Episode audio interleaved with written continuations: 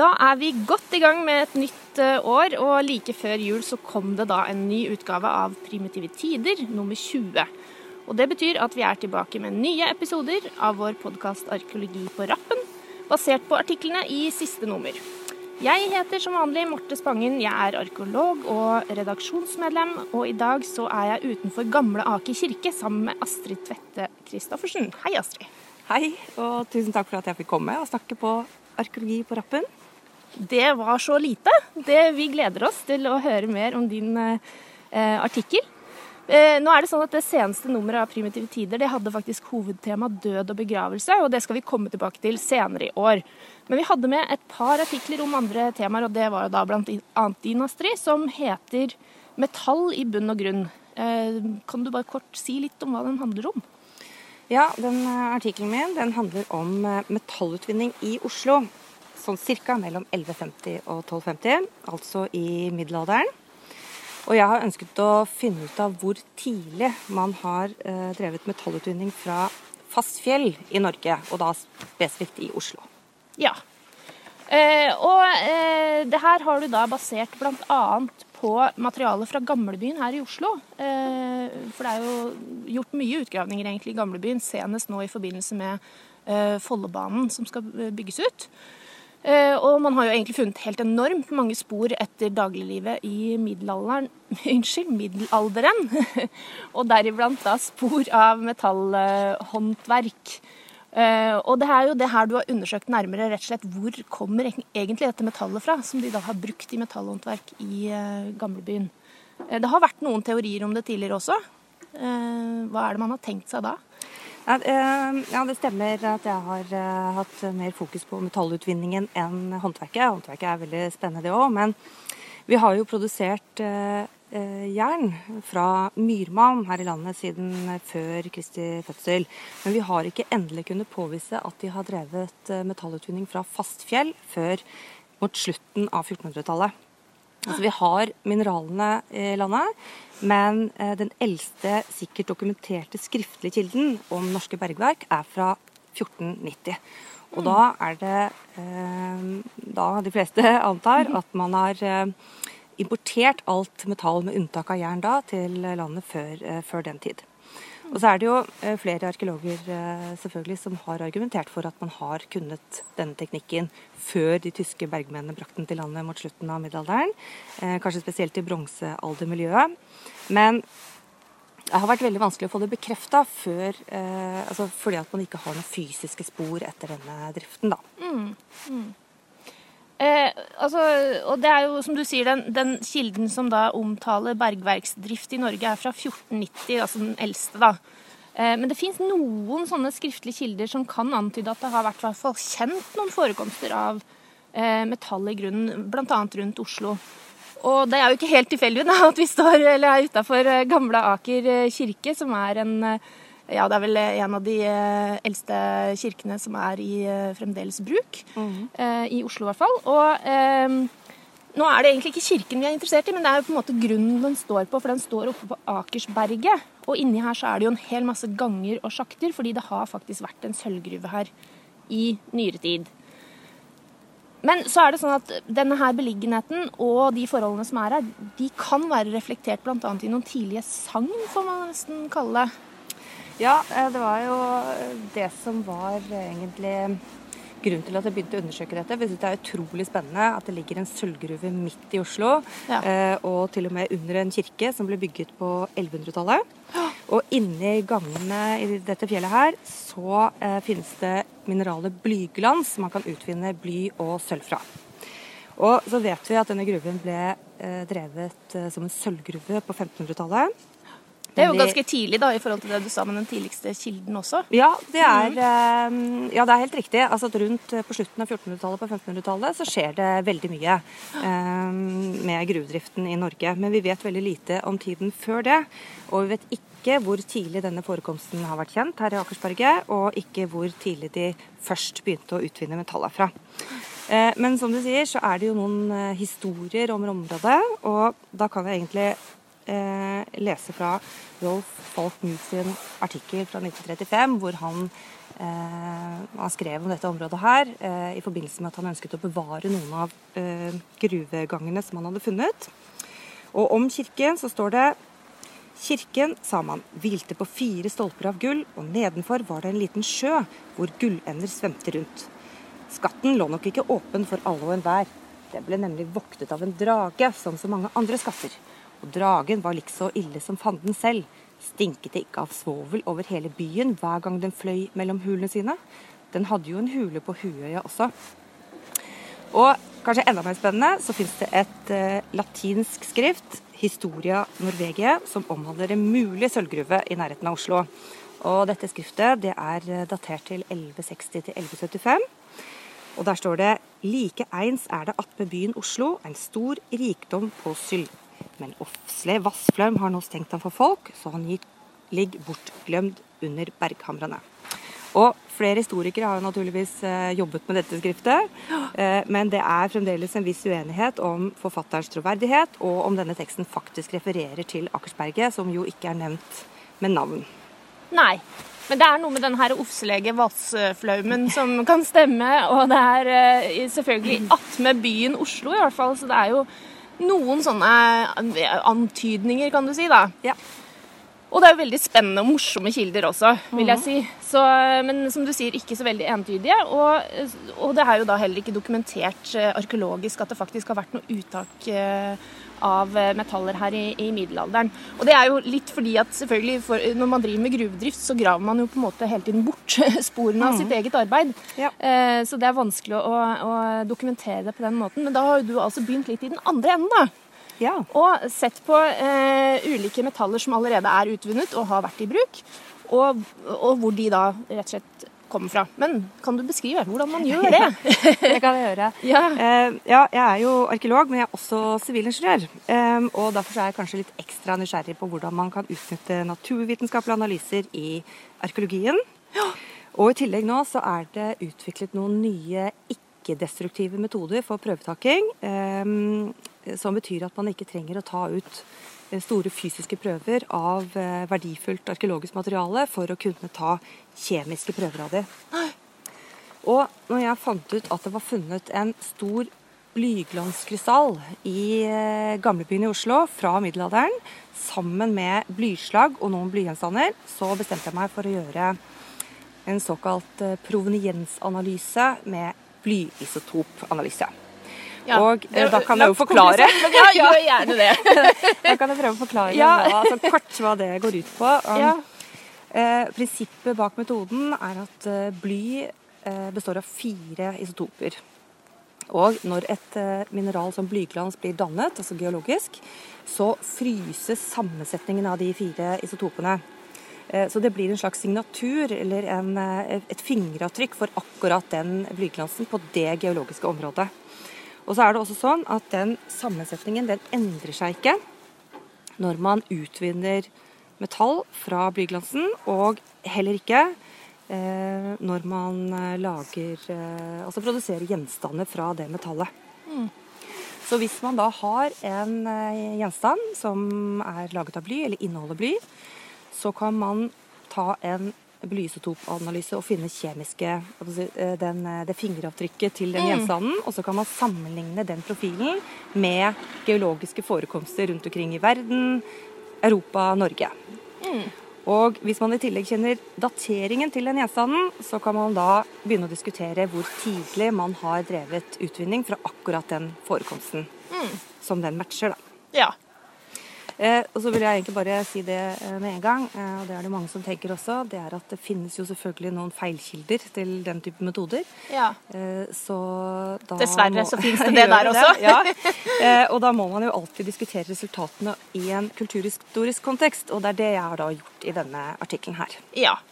Ja, fordi altså, En ting er jo det at uh, man må sammenligne med kjente forekomster da, rundt omkring. Så mm Det er jo et problem. at Det er jo ikke sikkert man kjenner og har eh, signaturen på absolutt alle forekomster rundt omkring. Jeg vet ikke helt åssen det arter seg. Uh, sånn som jeg har forstått, så, så finnes det jo da uh, forekomster rundt omkring i Oslo-området som du har kunnet sammenligne med, i hvert fall. Mm ja, og det er jo nærliggende når funnene er gjort i Oslo også. Ja, ikke sant? man kan jo tenke seg at uh, i hvert fall råvaren ikke er fraktet så fryktelig langt. Uh, men, uh, men, det er jo det er helt riktig at man trenger jo signaturen til forekomster for å ha noe å sammenligne med. Og det finnes jo helt klart områder som ikke ennå er oppdaget, eller som ikke er analysert. Men det finnes jo nå masse publiserte analyser fra de kjente si, gruveanleggene i Europa. Og også en god del fra Oslofeltet, da, som Akersberget er en del av. Mm. Men for sikkerhets skyld så har jeg også analysert noe malm eh, fra Akersberget. Og den profilen som jeg da fant, stemmer veldig godt overens med tidligere analyser eh, fra dette området. da. Ja, Så du har fått dobbeltsjekka også kilden, eller den potensielle ja. kilden. Så det er jo veldig grundig og bra. Eh, men for å være litt mer konkret på hva du faktisk har gjort Uh, altså Dette her er jo, kan vi jo kanskje få sagt, uh, det du skriver om i artikkelen, men det er jo også det som du har jobba med i masteren din. ikke sant? Mm. Ja. ja. Så jeg tenkte, Det hadde jeg helt glemt, men det er jo fint at folk vet at det finnes en hel master der ute som ja. omhandler dette her. Så det, for de som er interessert, så er jo det fint å vite. Men uh, konkret så har du da vært inne og analysert isotopsammensetningen i 19 gjenstander, får vi si. Denne her blyglansklumpen, eller hva skal vi kalle det for noe, krystallen. Mm men også noen andre gjenstander som inneholder bly.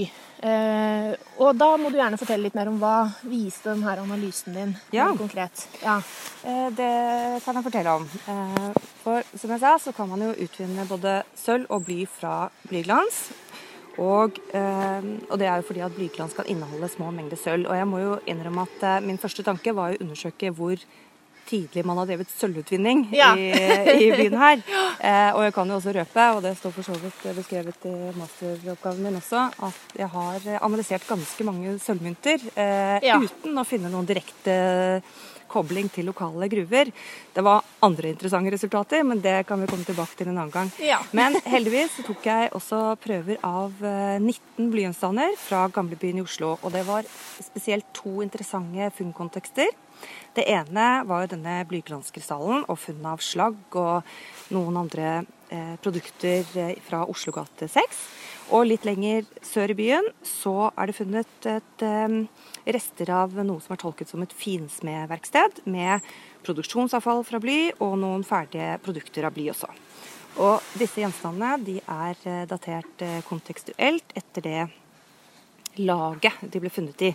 Og de fleste er fra 1150 til 1250. Og da eh, gjennomførte jeg da blyisotopanalyse av disse 19 gjenstandene. Og eh, resultatet viste det at de danner tre veldig ulike grupper av isotopsammensetningen. Det vil si at eh, metallarbeiderne i Oslo mest sannsynlig har hatt tilgang på tre veldig ulike kilder til bly mm. i denne perioden. Som vanskelig kan sammenblandes når du gjør disse her analysene, da, tydeligvis. Ja, det er så, ingen tvil om at det er forskjellige kilder. Ja, de er veldig forskjellige, og mm. innad i hver gruppe så er de veldig tett. Eh, ja. så eh, det er veldig sterke signaler på at eh, eh ja, du har tre ulike typer kilder eh, til bly. Da. Ja. Og så var det også sånn at eh, ved sammenligning med kjente forekomster, så eh, fant jeg at to av disse gruppene mest sannsynlig er importert bly fra engelske eller tyske eh, kilder. Som jo stemmer godt med det som har vært tenkt tidligere. Det er helt riktig. At de måtte riktig. ha fått et eller annet ja. utenfra. Ja. Men den siste gruppen, ja. som faktisk er majoriteten av gjenstandene, 11 av de 19, den, de sammenfaller ikke med noen av de kjente forekomstene i Europa, men den signaturen ligger veldig, veldig nær forekomster i Oslofeltet, og eh, som jo da Akersberget er en del av. Nemlig. Det er utrolig interessante mm. resultater, og det er jo deilig når det er så tydelig. Ja, det... det... er jo som du sier noen feilkilder allikevel, men eh, det er i hvert fall mm. Eh, gode indikasjoner på at dette her eh, kan være lokale ja. forekomster som er utvunnet, og det er jo veldig, veldig interessant når man har regna med at bergverksdrift bare kommer i gang mye senere enn 1150 til 1250, som ja, det er helt riktig. Og så er det jo dette her som du snakket om, at du setter det inn i en litt uh, mer kulturhistorisk kontekst. Så du har jo også da sett på andre arkeologiske spor etter bl.a. Uh, eh, selve bergverksdriften, men også dette her med bearbeiding av råmaterialer. Mm. Så ja, det må du jo også gjerne si ja. litt om. Ja. så med denne eh, isotopanalysen som utgangspunkt, så uh, så jeg jo da litt nærmere på hvilke gjenstander er det egentlig som ligger i disse tre gruppene. Altså hva er det som ser ut som de kommer fra lokal lokalt metall, eh, og hva er det som ser ut som det er eh, importert. Og Det som var da ekstra interessant, var at både blyglanskrystallen, slagget, produksjonsavfallet og noen ferdige gjenstander, den tilhørte den som jeg kalte lokale gruppen. Ja. Mens de åtte gjenstandene som ser ut til å være av importert metall, kun eh, inkluderte ferdige gjenstander og ikke noe av dette produksjonsavfallet Ja, ja. som er funnet. Eh, og det tyder jo da på at Altså Det er i hvert fall sterke indikasjoner på at eh, denne, mm, dette metallet faktisk kommer fra en lokal kilde. Mm, mm. Ja, du ser hele prosessen faktisk i, eh, i de gjenstandene som er funnet. Det ja, Ja. overbeviser jo veldig.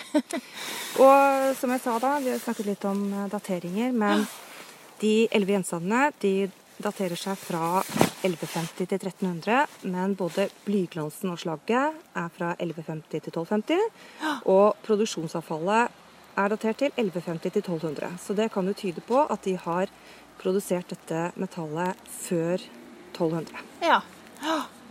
Kjempespennende. Mm. Eh, og det er vel egentlig det som er konklusjonen. Eller vil du si noe mer, forresten? Du, Eh, ja, Ja. det er masse ganske mye mer, kan du si. Ja, det kan man jo selvfølgelig lese i artikkelen også. Ja. Eh, Men jeg hadde egentlig lyst til å si en ting til, og det er at det, det er jo noen forskjeller i de, også de ferdige gjenstandene fra disse gruppene. Eh, Fordi det var fem spinnehjul i denne eh, lokale gruppen, og de er veldig like. Både i form, størrelse og dekor. Og så skiller de seg fra spinnehjul fra de andre gruppene. Ok. Eh, Så det, det er faktisk, eh, de er faktisk så like at det kan eh, på å si, minne om serieproduksjon, produksjon, uten at det er liksom undersøkt eh, videre. Men det er i hvert fall en veldig sånn spennende tanke å forfølge videre. Da. Ja, og det høres jo ikke veldig usannsynlig ut at det kan da være en lokal variant, en lokal produksjon, i og med at du har hele produksjonslinja eh, i, i funnene. Og også den eh, riktige signaturen, isotopsignaturen, i de eh, spinnehjulene. Veldig morsomt. Så det er på en måte det som er konklusjonen din. Da, at det fins en eh, tydeligvis kompetanse både om utvinning og om bearbeiding av bly i i Oslo allerede i middelalderen. Og da kommer vi litt tilbake til hvorfor vi er her på Akersberget. Ja. Ja. Eh, hva er liksom tanken din da? Har de vært her og Ja, det var dette at du ville jo gjerne se om de hadde utvunnet sølv, men det er kanskje litt eh, vanskelig å, å påvise, da. Ja, altså Foreløpig så eh, kan jeg bare se eh, altså, sterke indikasjoner da, på at de har produsert bly. Men det blyet kan være et biprodukt av sølvproduksjon. Men det er jo da eh, i hvert fall lov å stille seg spørsmål om det ble drevet som en blygruve først. Eh, og eventuelt at eh, sølvet ble drevet ut senere, da. Eh, mm, som man da kjenner til fra slutten av eh, 1400-tallet. Ja. Mm. Kjempespennende. Eh, dette burde noen forske videre på, syns du ikke det? Jo, det synes jeg. ja. Ha, får du noen mulighet til det? Altså å gjøre noe mer med dette? For det blir jo allikevel, altså selv om det er liksom overbevisende, så er det jo et relativt eh, lite utvalg av gjenstander Ja. eh, fortsatt. Ja. Eh, ja, så det jeg kan ikke legge skjul på det. Drømmen er jo å forske videre på dette spennende materialet. Eh, for jeg tenker jo at jeg nå bare har oppdaget og undersøkt en en sånn bitte liten del av en virksomhet som kan egentlig ha hatt stor betydning for middelaldersamfunnet, og før det òg, for den saks skyld. Så og Omfanget er jo ennå ikke kartlagt, og, og dette med på å si, sølvproduksjonen er jo heller ikke eh, si, ikke, nei, det er ikke eh, avgjort hva som skjedde der. Nei, nei. ikke. Eh, Og hvorvidt det var en lokal eh, virksomhet, regional eller også interregional. da. Ikke sant? Og det, er jo, det snur jo litt opp ned på noen ideer om at det var de tyske bergverksmennene som kom med denne kompetansen, hvis den allerede finnes da på et relativt tidlig tidspunkt i middelalderen. Ja. Så ja, som sagt, dette må noen gjøre noe med videre. Vi får håpe at det blir noen muligheter da, for å gjøre eh, litt mer omfattende eh, studier av dette her. Eh, og så får de som er historisk interessert, ha litt i bakhodet når de skal besøke kirka her, at Akersberget under kirka også har veldig stor historisk interesse og inneholder noen uløste mysterier. Og hvis man vil lese da hele Astrid sin artikkel om dette her, så er den tilgjengelig på Primitive Tiders nye Open Access-løsning på nettet, og kan, der kan man laste ned en eh, PDF helt gratis. Eh, og den PDF-en eller Open Access-løsningen den finner man via nettsiden som heter journals.uio.no. Eller så kan man bare søke på fri, fritt UiO primitive tider, så kommer man eh, fram. Takk for at du ville komme og prate om dette her. Tusen takk for meg. og da takker vi for oss, og så ønsker vi velkommen tilbake til en ny podkastepisode om ikke så altfor lenge.